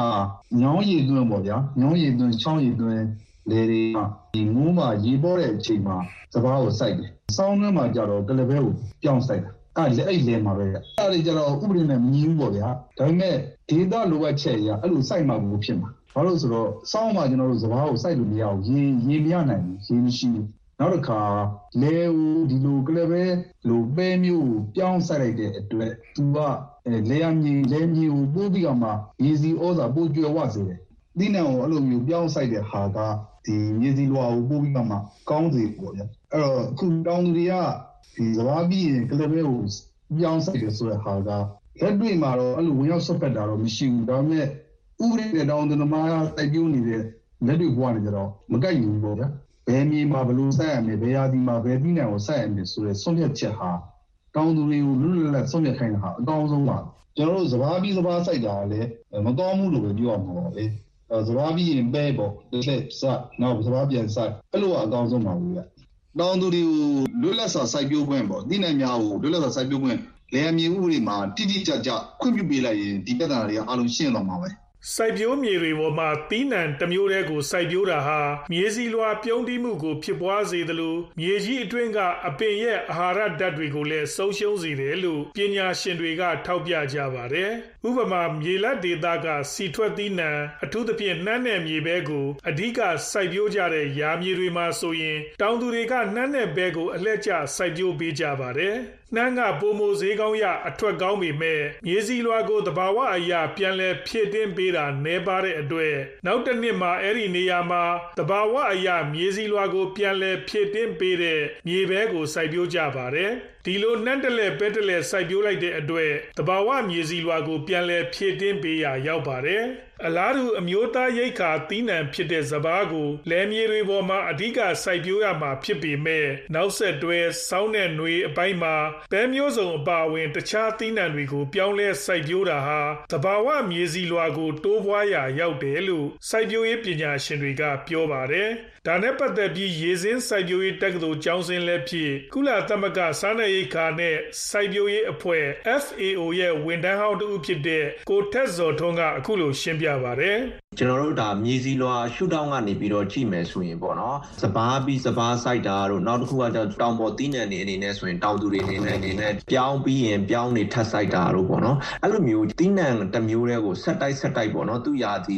နဲ့ယာတီပြောင်းပြောင်းပြီးတော့တီးနှံတစ်မျိုးတည်းကိုပဲထပ်ခါထပ်ခါစိုက်တယ်ဆိုရင်မြေစီလွာအနေနဲ့ကြည့်မယ်ဆိုရင်အများကြီးရုပ်ရော်တယ်ပေါ့နော်ဘာဖြစ်လို့လဲဆိုရင်ဒီတီးနှံတစ်မျိုးတည်းစိုက်တာဖြစ်တဲ့အတွက်သူကြိုက်တဲ့ဒီမြေကြီးထဲမှာရှိတဲ့အာဟာရတွေပေါ့နော်နောက်တစ်ခုကသူကြိုက်တဲ့ယာတီဥအနေအထားတွေအားလုံးကတူညီနေတာဖြစ်တဲ့အတွက်ကြောင့်မို့မြေစီလွာထဲမှာရှိတဲ့အာဟာရတွေကိုအများကြီးစုပ်ယူပြီးသွားတဲ့အခါကျရင်ဒီလိုဆက်တိုက်ဆက်တိုက်စိုက်လိုက်မယ်ဆိုမြေစီလွာထဲမှာရှိတဲ့အာဟာရတွေကသူတို့ကြိုက်တဲ့ဟာတွေကကျွန်တော်တို့ယော့နေသွားပြီးတော့ပေါ့နော်အဲနစ်ကြလာတာနဲ့အများမြေစီလွာလည်းပျက်စီးဆုံးရှုံးလာမယ်မြေစီလွာရဲ့အာဟာရဓာတ်တွေလည်းပျက်စီးဆုံးရှုံးဆုံးရှုံးလာမယ်နောက်တစ်ခုကတင်းနဲ့အထွက်လုံးမှာဒီထိုးကျသွားမယ်ပေါ့နော်အဲ့လိုမျိုးပြဿနာတွေကြုံရတယ်အဲ့လိုမဟုတ်ဘဲနဲ့စပားစိုက်တဲ့သူတွေအနေနဲ့မိုးစပားပြီးတော့ຫນွေစပားကိုမစိုက်ဖ ೇನೆ ပေါ့နော်ခြားပဲမျိုးစုံ လို့ပေါ့နော်အဲ့ဒီတင်းနဲ့တွေကိုရွေးစိုက်မယ်နောက်တစ်ခုက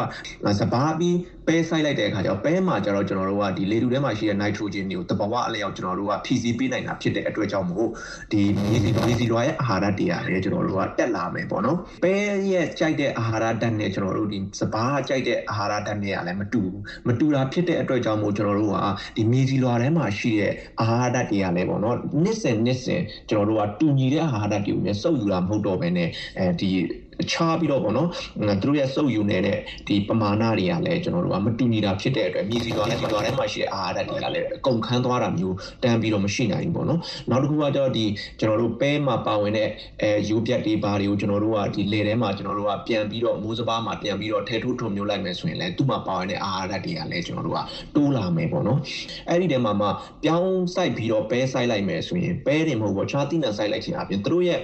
အမြင့်ဆင်းပြီးတော့မြေကြီးထဲမှာရှိတဲ့မြေစီလွာတွေကိုစုပ်ယူတဲ့အနေအထားကလည်းမတူတာဖြစ်တဲ့အတွက်ကြောင့်မို့ပေါ့နော်အဲသူထဲမှာပါဝင်တဲ့အာဟာရဓာတ်တွေကတဖြည်းဖြည်းကျွန်တော်တို့ကအဲရုပ်ရောတဲ့ပြဿနာကိုကျွန်တော်တို့ကကာဝယ်နိုင်မယ်ပေါ့နော်တိထက် ထက်ခါထက်ခါစိုက်တာတဲ့စာရင်ပေါ့နော်တီးလက်အနေနဲ့မျိုးမတူတဲ့မျိုးဝင်းမတူတဲ့တီးတဲ့တီးနံတွေကိုကျွန်တော်တို့ကအလျော့ကျသူ့ရသည်လိုက်စိုက်ပေးမယ်ဆိုရင်ဒီညီစီလွာရဲ့အာဟာရဓာတ်တန်ဖိုးတွေကမြင့်တက်လာပြီးတော့ပိုးမွားယောဂကြားရောက်မှုအန္တရာယ်မှာရော့ကျသွားမယ်လို့ကျွန်တော်တို့ကဒါပြောလို့ရပါတယ်မြန်မာနိုင်ငံမှာ1962ခုနှစ်မတ်လ2ရက်ဗိုလ်ချုပ်ကြီးနေဝင်းဦးဆောင်တဲ့စစ်တပ်ကအာဏာသိမ်းပြီးပါလီမန်ဒီမိုကရေစီစနစ်ကိုဖျက်သိမ်းခဲ့ပြီးတဲ့နောက်တော်လှန်ရေးကောင်စီအနေနဲ့အုပ်ချုပ်ခဲ့စဉ်ကစတင်ပြီးသတ်မှတ်ထားတဲ့တီးနှံကိုသာစိုက်ပျိုးရမယ်လို့အမိန့်ထုတ်တင်းကျပ်ခဲ့ပါတယ်။ အဲ့ဒီအခါစိုက်ပျိုးမြေနဲ့မကိုက်ညီတဲ့တီးနှံတွေကိုအာရမစိုက်ပျိုးခိုင်းခဲ့တဲ့အတွက်တောင်သူလယ်သမားတွေအတိဒုက္ခရောက်ခဲ့ကြရပါတယ်။အဲပိုဆိုးတာကမြန်မာဆိုရှယ်လစ်လမ်းစဉ်မဆလာတပါတီအဖြစ်အမည်ပြောင်းအုပ်ချုပ်ခဲ့တဲ့အခါမှာလဲစီမံကိန်းသီးနှံအဖြစ်ပြဋ္ဌာန်းပြီးတာဝန်ကျေသီးနှံပေးသွင်းခြင်းမရှိရင်တခြားနေရာကိုရောင်းချခွင့်မရှိဘူးလို့သတ်မှတ်ထားတဲ့အတွက်မိုးခေါင်သီးနှံဖြစ်တဲ့အခါမှာဆိုရင်တောင်သူလယ်သမားတွေဟာအစုလိုက်အပြုံလိုက်ဖမ်းဆီးတာခံခဲ့ကြရပါတယ်။အဲ့ဒီအချိန်ကမြန်မာနိုင်ငံကိုအစ္စရေးနိုင်ငံကစိုက်ပျိုးရေးပညာရှင်တွေလာရောက်ပြီးစိုက်ပျိုးရေးဝန်ကြီးဌာနကိုသင်တန်းပေးတာအကြံပေးတာတွေရှိခဲ့ပါတယ်။စိုက်ပျိုးမြေပေါ်မှာသီးနှံတစ်မျိုးတည်းစိုက်ပျိုးတာဟာကိုယ့်အမျိုးသားရိတ်ခါကိုပြတ်တောက်အောင်လုပ်တာနဲ့အတူတူပဲဆိုပြီးပြောဆိုခဲ့တာကိုအဲ့ဒီအချိန်မာဆလာအစိုးရကနေလာစဉ်ထုတ်ဝေခဲ့တဲ့တောင်သူလယ်သမားဂျာနယ်မှာဖော်ပြခဲ့ဘူးပါတယ်။1988ခုနှစ်ရှစ်လေးလုံးလူထုအုံကြွမှုကိုစစ်တပ်ကနေအကြမ်းဖက်နှိမ်နင်းပြီးစစ်အစိုးရအနေနဲ့အုပ်ချုပ်ခဲ့စဉ်ကလည်းပထမပိုင်းမှာသတ်မှတ်စိုက်ပျိုးမြေပေါ်မှာသတ်မှတ်ထားတဲ့သီးနှံကိုပဲစိုက်ပျိုးရမယ်ဆိုတာရှိခဲ့ပေမဲ့နောက်ပိုင်းမှာတော့တဖြည်းဖြည်းပြက်ပြယ်ပြီးအရေးယူဆောင်ရွက်တာမရှိခဲ့တော့ပါဘူး စစ်အစိုးရဝန်ကြီးချုပ်ဗိုလ်ချုပ်သိန်းစိန်ကနေရွေးကောက်ခံဝန်ကြီးချုပ်ဦးသိန်းစိန်အဖြစ်ပြောင်းလဲအုပ်ချုပ်ခဲ့စဉ်2012ခုနှစ်မှာတော့လေယာမြေဥပဒေတွေပြန်လည်စီစစ်ရေးဆွဲခဲ့စဉ်မှာစပားကလွယ်ပြီးကျန်တဲ့သီးနှံတွေကိုသတ်မှတ်ပြဋ္ဌာန်းတာတော့မရှိတော့ပါဘူးလေယာမြေပေါ်မှာစပားပဲစိုက်ပျိုးရမယ်ဆိုပေမဲ့လယ်သမားတွေကမိုးစပားပြီးရင်ကြိုက်တဲ့သီးနှံပြောင်းလဲစိုက်ပျိုးတဲ့အခါမှာလည်းအရေးယူတာတော့မရှိပါဘူးခင်ဗျာ သတင်းမှန်တွေရဖို့အရေးကြီးတဲ့ဒီကနေ့ခေတ်မှာကမ္ဘာကြီးရဲ့ဘယ်ရက်ဒေတာမှာပဲရောက်နေပါစေခလုတ်တစ်ချက်နှိပ်လိုက်ရုံနဲ့သတင်းမှန်တွေရယူနိုင်ပါပြီလက်ပြားလေးနဲ့တစ်ချက်တောက်ရုံနဲ့ရယူနိုင်မဲ့သတင်းတွေနိုင်ငံရေးဖြစ်စဉ်တွေတကယ့်ဘဝဆက်လန်းတွေ one click ခလုတ်တစ်ချက်နှိပ်ရုံနဲ့ကမ္ဘာရဲ့ရက်ကအတန်တွေကိုချိတ်ဆက်နားဆင်နိုင်မှာဖြစ်ပါတယ်ဘယ်ချိန်ဘယ်နေရာကပဲဖြစ်ဖြစ် VOA Plus application ကို download ရယူပါ မြမတွေဦးတော်လှန်ရေးမှာလူငယ်တွေအများကြီးပေးဆက်မှုတွေရှိနေပါတယ်။အဲ့လိုဘဝရင်းပြီးတော်လှန်ရေးအတွက်ပေးနေရတဲ့လူငယ်တွေအကြောင်းကိုယူကရိန်းမြန်မာနှိုင်းရှင်ချက်အစီအစဉ်ကနေဟောင်ဆာကဒုတိယပိုင်းအဖြစ်တင်ဆက်ထားပါတယ်ရှင်။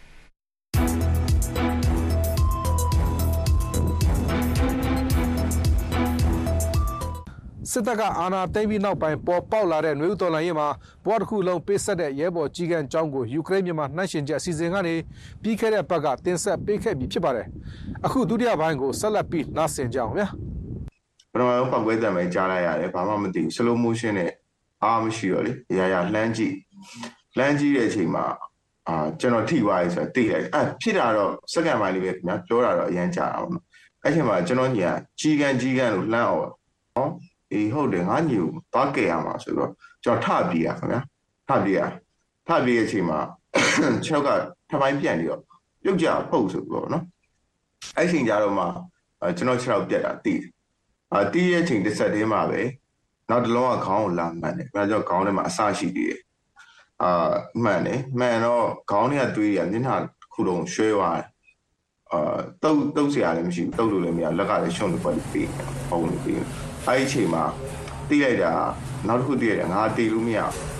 ။ဘာလို့ဆိုတော့ဒီစကားဆောက်နိုင်နေတယ်ဆိုရင်တီးလို့မရဘူး။ပြီးတော့ကျွန်တော်တချို့လူပြောခဲ့တယ်ခင်ဗျာဟိုကျွန်တော်ပြန်လာခဲ့မယ်ဆိုပြောခဲ့အဲဆိုတော့အသက်ရှင်မှုလူတွေအဲရရနေလန်းနဲ့ရှင်ကြံမှုလုပ်ရမယ်ဆိုတော့အာကျွန်တော်ဒီဘယ်ဘက်လက်နဲ့ဝက်လိုက်တယ်နော်ဝက်လိုက်တော့မီးလောင်မြင်နေမှာဆိုကျွန်တော်လက်ကမီးလောင်သွားတယ်ဒီဘက်လက်ကလေဒီပြားမီးလောင်သွားတယ်ဒါပေမဲ့အဲ့ဒါဟိုကျွန်တော်မခံစားနိုင်ဘူး ဝက်လိုက်တယ်9မိနစ်လောက်လွတ်ကြာတယ်နော်အဲ့ချိန်မှာပဲနောက်ဘာတစ်ဆင့်ထက်လုပ်လဲဆိုတော့ကျွန်တော်ဘောင်းမီထဲမှာတိုနီဝေးရှိတယ်အာကျွန်တော်ရှီတန်းထွက်တိုင်းကျွန်တော်အမြဲယူရစေးအိတ်ကောပေါ့နော်မတ်တေးအိတ်ကတော့မီးလောင်သွားတယ်ဘောင်းမီအိတ်ကထဲမှာတိုနီဝေးရှိကျွန်တော်ဖမ်းစီတယ်ပေါ့လေဒါပေမဲ့အားမရှိတဲ့အတွက်ကြောင့်မလို့တွေ့ရမတိတ်ဒါပေမဲ့တက်တာရရတယ်ပေါ့လေအာကျွန်တော်ဟိုလာခဲ့ရဲဘော်ရောက်တော့အာတိုနီကိုသူချီပြီးတယ်ပြီးတော့ကျွန်တော်နှစ်ယောက်ကြရတာညာ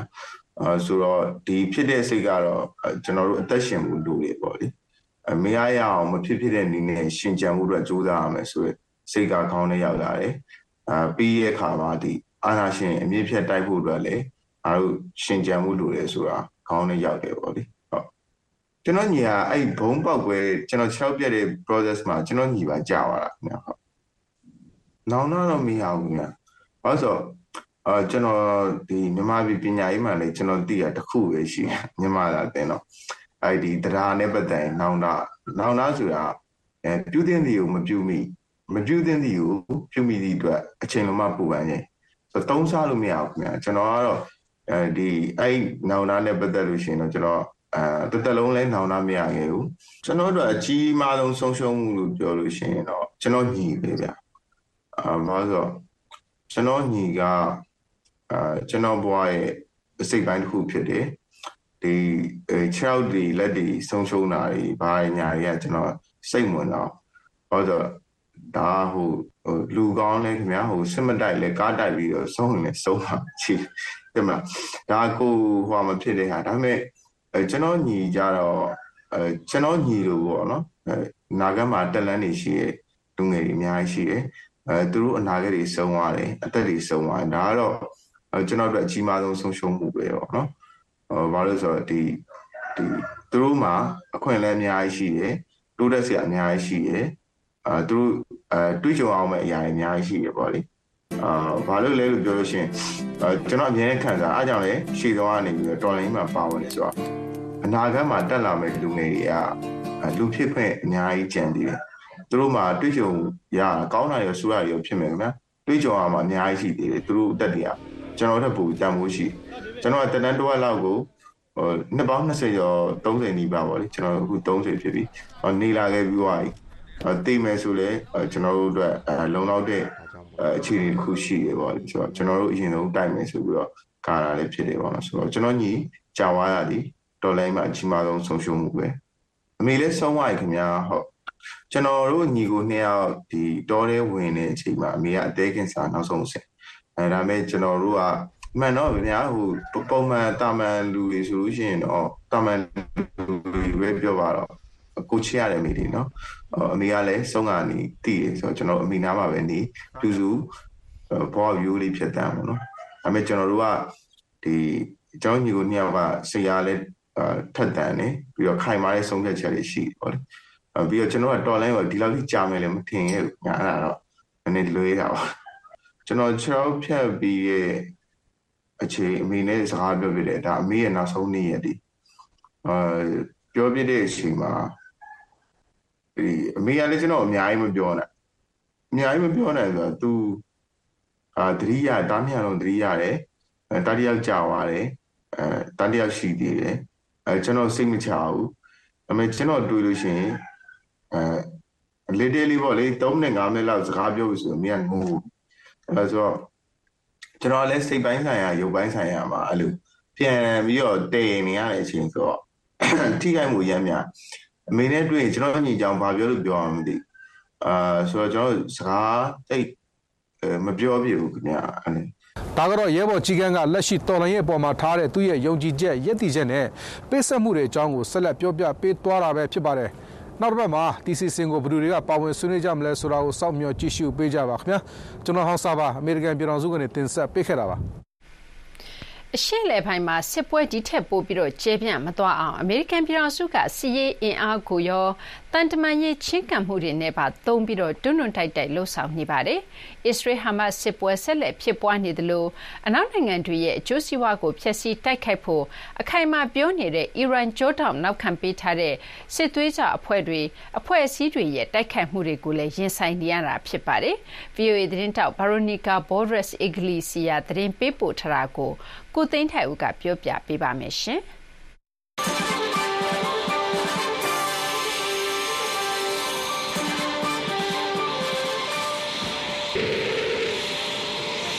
ယီမင်နိုင်ငံအတွင်းကဟူဒီတပုံတွေရဲ့ပြစ်မှတ်36တရားကိုအမေရိကန်ဦးဆောင်တဲ့ညွန်ပေါင်းတပ်ဖွဲ့ကြီးစနေနေ့ကအော်မြင်မြင်တိုက်ခိုက်နိုင်ခဲ့ပါတယ်။ ဒါပေမဲ့လည်းရှေ့လေပိုင်းဒေသမှာဟူဒီတပုံတွေဒါမှမဟုတ်အီရန်ကြောတော့နောက်ကပေးထားတဲ့စစ်သွေးကြွတွေရဲ့တိုက်ခိုက်မှုတွေဒီရက်ပို့ပြီးတော့ရှိမလာတော့ဘူးလို့အမေရိကန်ပြည်ထောင်စုအနေနဲ့ချတိပြမပြောနိုင်သေးပါဘူး။အမေရိကန်ပြည်သားလုံခြုံရေးချန်ပေး Jake Sullivan က ABC ရုပ်သံကိုအခုလိုပြောပါတယ် The central purpose of the strikes has been to take away အ capability ဓိကကျွန်တော်တို့တိုက်ခိုက်လိုက်တဲ့ရည်ရွယ်ချက်ကအီရတ်နဲ့ဆီးရီးယားမှာရှိတဲ့အီရန်ကြောထောက်နောက်ခံပေးထားတဲ့စစ်သွေးကြွတွေရဲ့စစ်ရေးစွမ်းရည်ကိုလျော့သွားအောင်ထိုးနှက်လိုက်တာပါဒီစစ်သွေးကြွတွေကအမေရိကန်တပ်ဖွဲ့တွေကိုဟူသီတပုံတွေနဲ့တိုက်ခိုက်နေတယ်လို့ပင်လယ်နီကဂုံတင်သင်္ဘောတွေတွာလာနေတာကိုလည်းသူတို့ချင်းချောင်းနေပါတယ်အခုကျွန်တော်တို့တိုက်ခိုက်လိုက်တဲ့အတွက်စစ်သွေးကြွတွေနဲ့ဟူသီတွေရဲ့တိုက်စွမ်းရည်အပေါ်မှာအကြီးအကျယ်တိုက်ရောက်မှုရှိမယ်လို့ကျွန်တော်တို့ယုံကြည်ပါတယ် ကျွန်တော်တို့ဘက်ကလိုအပ်တယ်လို့အရေးယူလှုပ်ဆောင်သွားအောင်ပါဒါပေမဲ့လည်းဟူဒီတပုံတွေကသူတို့ဘက်ကစီးရေးရဆက်လက်တိုက်ခိုက်နေဦးမယ်လို့အခိုင်အမာပြောဆိုနေပါတယ်ဒီစစ်ပွဲဟာဂါဇာမှာဟာမတ်စ်တွေကိုအစ္စရေးဘက်ကတိုက်ခိုက်နေတဲ့အပေါ်လက်တုံပြန်နာဆိုပြီးသူတို့ကပြောဆိုနေပါတယ်ဂါဇာကမ်းမြောင်မှာဟာမတ်စ်တွေရဲ့ချမ်းမာရေးဝန်ကြီးဌာနအဆိုအရပြစ်ခတ်တိုက်ခိုက်မှုတွေအတွင်းပါလက်စတိုင်းပြည်သူ2900သေဆုံးပြီး6600ကျော်ထိခိုက်ဒဏ်ရာရတယ်လို့ပြောပါတယ် ယီမင်အစိုးရဝန်ကြီးတူဖြစ်တဲ့ Navid Motion Abu Nastam ကအခုလိုပြောပါတယ် مقومات الحياة خرجت أبناء اليمن ကျွန်တော်တို့တွေ့နေရတာကကျူးကျော်တိုက်ခိုက်မှုတိမ့်ပိုက်မှုလူမျိုးတုံးတပ်ဖြတ်မှုနဲ့ဂါဇာကကျွန်တော်တို့ညီကိုတွေအတွက်စေးဝါးတွေမပို့နိုင်အောင်ပိတ်ပင်တာတွေပါဒီမင်နိုင်ငံသားတွေဒီမင်နိုင်ငံသားတွေတောင်ပေါ်လူမျိုးစုတွေနဲ့လက်နက်တွေအားလုံးကဒီကျူးကျော်မှုကိုရင်ဆိုင်ပြန်တိုက်ဖို့အစဉ်သင့်ရှိနေပါတယ် အော်တိုဘာလ9ရက်အစ္စရေးနယ်တဲကိုဟာမတ်စစ်သွေးကြတွေဝင်လာပြီးလူ1200လောက်ကိုတပ်ဖြတ်ခဲ့တဲ့အပြင်လူ240ကျော်ကိုဒဇာကန်ဖြစ်ဖမ်းဆီးခေါ်ဆောင်သွားခဲ့ရာကဟာမတ်ကိုတုံ့ပြန်တဲ့အစ္စရေးဘက်ကတိုက်ခိုက်တဲ့စစ်ပွဲတွေပေါ်ပေါက်ခဲ့တာပါအစ္စရေးဝန်ကြီးချုပ်ဘင်ဂျမင်နာတန်ညာဦးကတော့အခုအထိဟာမတ်စစ်သွေးကြတပ်ရင်း24ခုတည်းက18ခုကိုဖယ်ရှားရှင်းလင်းပြီးပြီဆိုပြီးတနင်္ဂနွေနေ့ကပြောပါတယ် כדי להשיג את היעד הזה דרושים שלושה דברים. ကျန်နေသေးတဲ့ ဟာမတ်စ်တပ်ရင်းတွေ အများစုက ဂါဇာကမ်းမြောင်တောင်ပိုင်းနဲ့ရာဖာဘက်မှာပါ ဒီအဖွဲ့တွေကိုလည်း ကျွန်တော်တို့တုတ်တင်ရှင်းလင်းမှာပါ အမေရိကန်ပြည်ထောင်စုကတော့ အမေရိကန်နိုင်ငံသားရေးဝန်ကြီးအန်တိုနီဘလင်ကန်ကို အရှိအလဲပိုင်းကို ထပ်မံဆေလွတ်တဲ့ခီးစဉ်အသစ်တွေနဲ့ပြည်ပခဖြည့်ရှင်ရေးတန်တမာရေး ကြိုးပမ်းမှုတွေကို ဂုဏ်ယူပြောဆိုနေပါတယ် တိုက်ခိုက်နေတာတွေကို ရပ်ထားတာ အပြစ်ကရစရေး နောက်ထပ် ထပ်တိုးတာတစားကန်တွေ ပြန်လွတ်ပေးတာနဲ့ ပါလက်စတိုင်းကျင်းသားတွေနဲ့လဲလှယ်ဖို့စတဲ့ဘေးယူဆိုပြုချက်တွေတော်တော်များများအောင်မြင်မှုအတွက်ကန့်လန့်ထားပါတယ်အမေရိကန်မျိုးသားလူမျိုးရေးချန်ပီး Jake Sullivan ကပဲ ABC ရုပ်သံကိုခုလိုပြောပါတယ် The president has put his shoulder to the wheel on this he has သမရဘိုင်ဒန်အနေနဲ့ဒီကိစ္စကိုအကြီးအကျယ်အောင်မြင်အောင်တာဝန်ယူလှုပ်ဆောင်နေပါတယ်။ကာတာနဲ့အီဂျစ်မှာရှိတဲ့ခေါင်းဆောင်တွေအားလုံးကိုသူဆက်သွယ်ပြီးတော့စကားပြောနေပါတယ်။နှစ်နိုင်ငံစလုံးကအပေးယူညှိနှိုင်းမှုတွေမှာပါဝင်ကြတာပါ။အစ္စရေးနိုင်ငံခေါင်းဆောင်တွေနဲ့လည်းကျွန်တော်တို့အမြဲတစေဆက်သွယ်နေပါတယ်။ ဟာမတ်စ်ဘက်ကဒဇာကန်တွေကိုပြန်လွတ်ပေးခြင်းနဲ့စိတ်ရှိရပါလိမ့်မယ်ဒါအိမ်မဲ့လည်းသဘောတူညီချက်တွေချက်ချင်းဆိုသလိုလက်တလောထွက်လာတာမျိုးဖြစ်သေးမှာမဟုတ်တဲ့အကြောင်းဂျိတ်ဆူလီဗန်ကပြောပါတယ်အချိန်တိကျသတ်မှတ်မထားနိုင်သေးတာကိုလည်းသူကပြောပါတယ်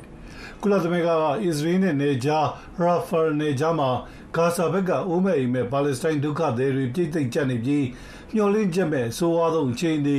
ပောက်ကွဲလူနေပါနေထားအတင်းကျပ်ဖိအားပေးခံနေရတဲ့အခြေအနေကိုကြုံနေရတယ်ဆိုပြီးတောက်ကြနေကသတိပေးချက်ထွက်လာပြီးတဲ့အချိန်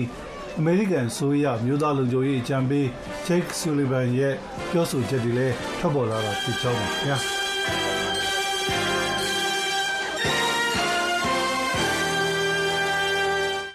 VOA American အတန်ရဲ့သတင်းမှန်သတင်းမြန်တွေကို Telegram လူမှုကွန်ရက်စာမျက်နှာမှာလည်းရှုစားနိုင်ပါပြီ။ VOA Telegram စာမျက်နှာလိပ်စာ t.me/burmese.voanews မှာ join လုပ်ပြီးချိတ်ဆက်လိုက်တာနဲ့ထိတ်တန့်ရောက်သတင်းတွေကိုဖြန့်ကျီခြင်းနဲ့ကြပြိုင်နက်ထဲရရှိနိုင်မှာပါ။ VOA Telegram တရားဝင်စာမျက်နှာက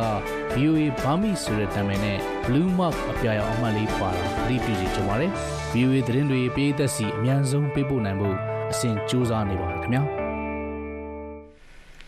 Super Mario Game ဝါသနာရှင်တွေအတွက်အမေရိကန်ပြည်ထောင်စုဟောလိဝုဒ်မှာ Super Nintendo World ကစားကွင်းကြီးရှိနေပါပြီ။ Mushroom Kingdom ထဲမှာ Mario တို့ညီအကိုနဲ့အတူစိန်ခေါ်မှုတွေကိုအတူကျော်လွှားကစားနိုင်မယ့်ဂိမ်းကမ္ဘာကြီးဆီကိုတော့မစုမြတ်မွန်ကကမ္ဘာတလွှားခရီးသွားအစီအစဉ်ကနေခေါ်သွားပါလိမ့်မယ်ရှင်။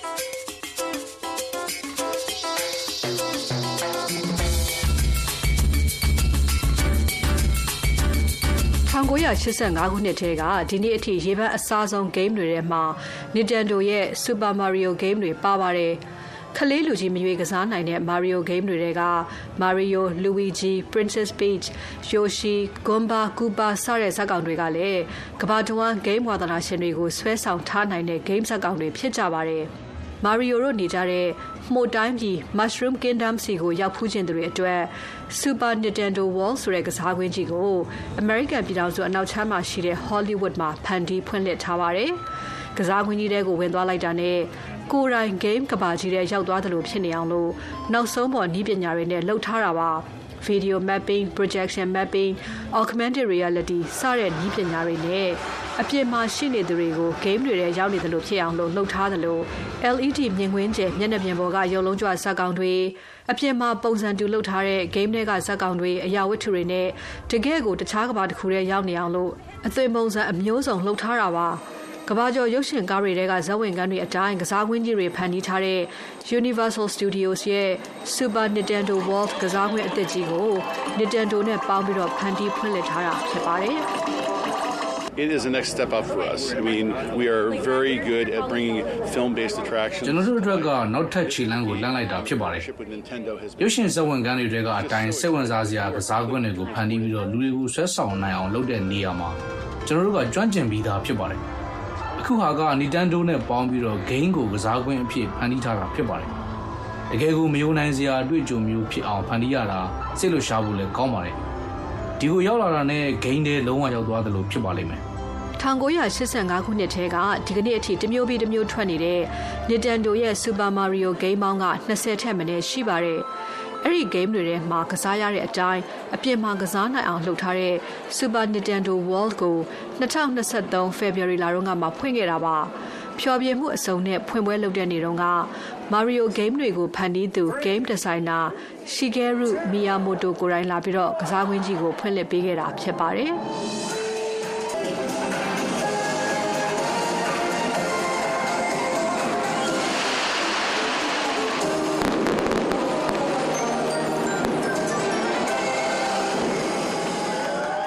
Super Mario Game တွေကိုကိုယ်တိုင်စိတ်ကြိုက်ပါဝင်ကစားနိုင်တယ်လို့ game တွေကလိုအမှတ်တွေစုနိုင်ရွှေပြားတွေစုနိုင်တာမို့ဒီကိုလာကြသူတွေကြိုက်တွေ့နေပါတယ် Yeah, when I was a kid, my um, my parents, my dad, my uncle, they loved the old Mario stuff. We had the ကျွန် Nintendo တော်ကလေးဘဝတွေကကျွန်တော်အမေရောအဖေရောဦးလေးရောကမာရီယိုဂိမ်းတွေကိုတိတ်ကြိုက်ကြတာပါ။အိမ်မှာ Nintendo ဂိမ်းဆက်ရှိတော့အဲ့ဒါနဲ့ကျွန်တော်တို့တစ်ချိန်လုံးကစားကြပါတယ်။ ပြောရရင်ကျွန်တော်ကလေးရွယ်တွေကမာရီယိုနဲ့ရင်းနှီးနေတာဖြစ်ပါတယ်။အခုဒီကိုရောက်နေတော့ကျွန်တော်ကလေးဘဝကိုပြန်ရောက်သွားသလိုဖြစ်နေပါတယ် I like it. It feels like a dream come true, right? အရန်သဘောကျပါတယ်အိမ်မက်ထဲကအတိုင်းတကယ်ဖြစ်နေတယ်လို့ခံစားရပါတယ်ဗီဒီယိုဂိမ်းထဲကိုရောက်နေတယ်လို့ဖြစ်နေတော့ထူးထူးခြားခြားအံ့ဩစရာဖြစ်နေပါတယ်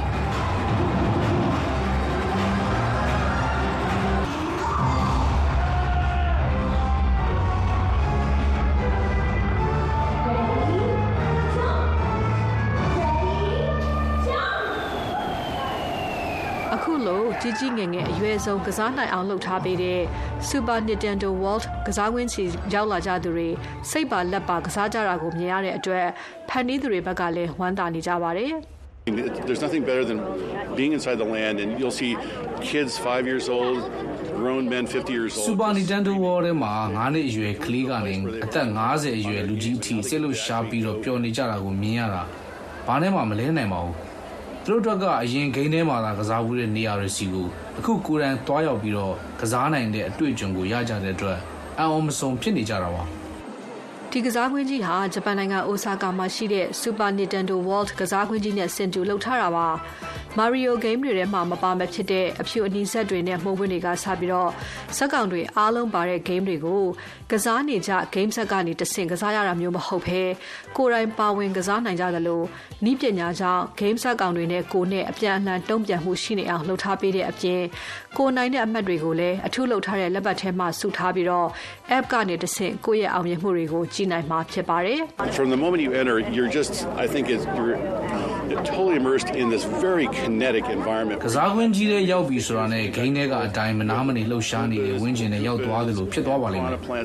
ကွန်ပျူတာနဲ့ဖန်တီးထားတဲ့ဂိမ်းဆက်ကောင်တွေဂိမ်းထဲကနေရာတွေအားလုံးကကိုယ်ပတ်ဝန်းကျင်မှာရှိနေတယ်လို့အပြန်အလှန်တုံ့ပြန်ကစားနိုင်ပါတယ်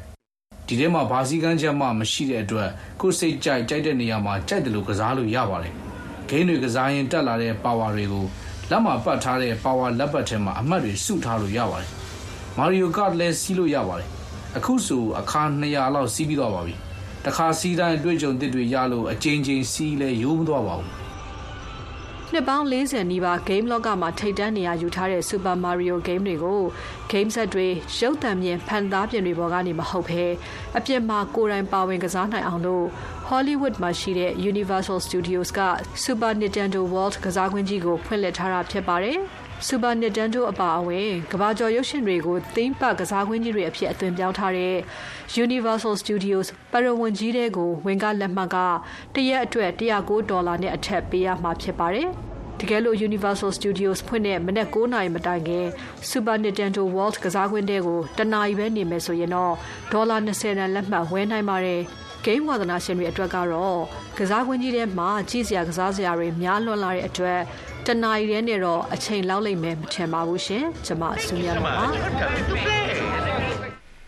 သတင်းပတ်စင်ခဏတွေကတော့ဒီလောက်ပါပဲရှင် VOA အစီအစဉ်တွေနဲ့ပတ်သက်ပြီးတော့အကြံပြုလို့တဲ့ဝေဖန်စာတွေပေးပို့လို့တဲ့ဆိုရင်တော့ကျမတို့ရဲ့ email လိပ်စာ burmese@voanews.com ကိုစာရေးသားဆက်သွယ်နိုင်ကြသလိုပဲ VOA မြန်မာပိုင်းစီစဉ်ရဲ့ Facebook စာမျက်နှာက Messenger မှာလည်းစာရေးသားပေးပို့နိုင်ကြပါတယ်ရှင်သောတာရှင်တို့ရဲ့ဝေဖန်အကြံပြုချက်တွေကို VOA မြန်မာပိုင်းစီစဉ်ကကြိုးဆိုပါတယ်ရှင်အခုတော့သတင်းချင်းချုပ်ကိုတင်ပြပေးပါမယ်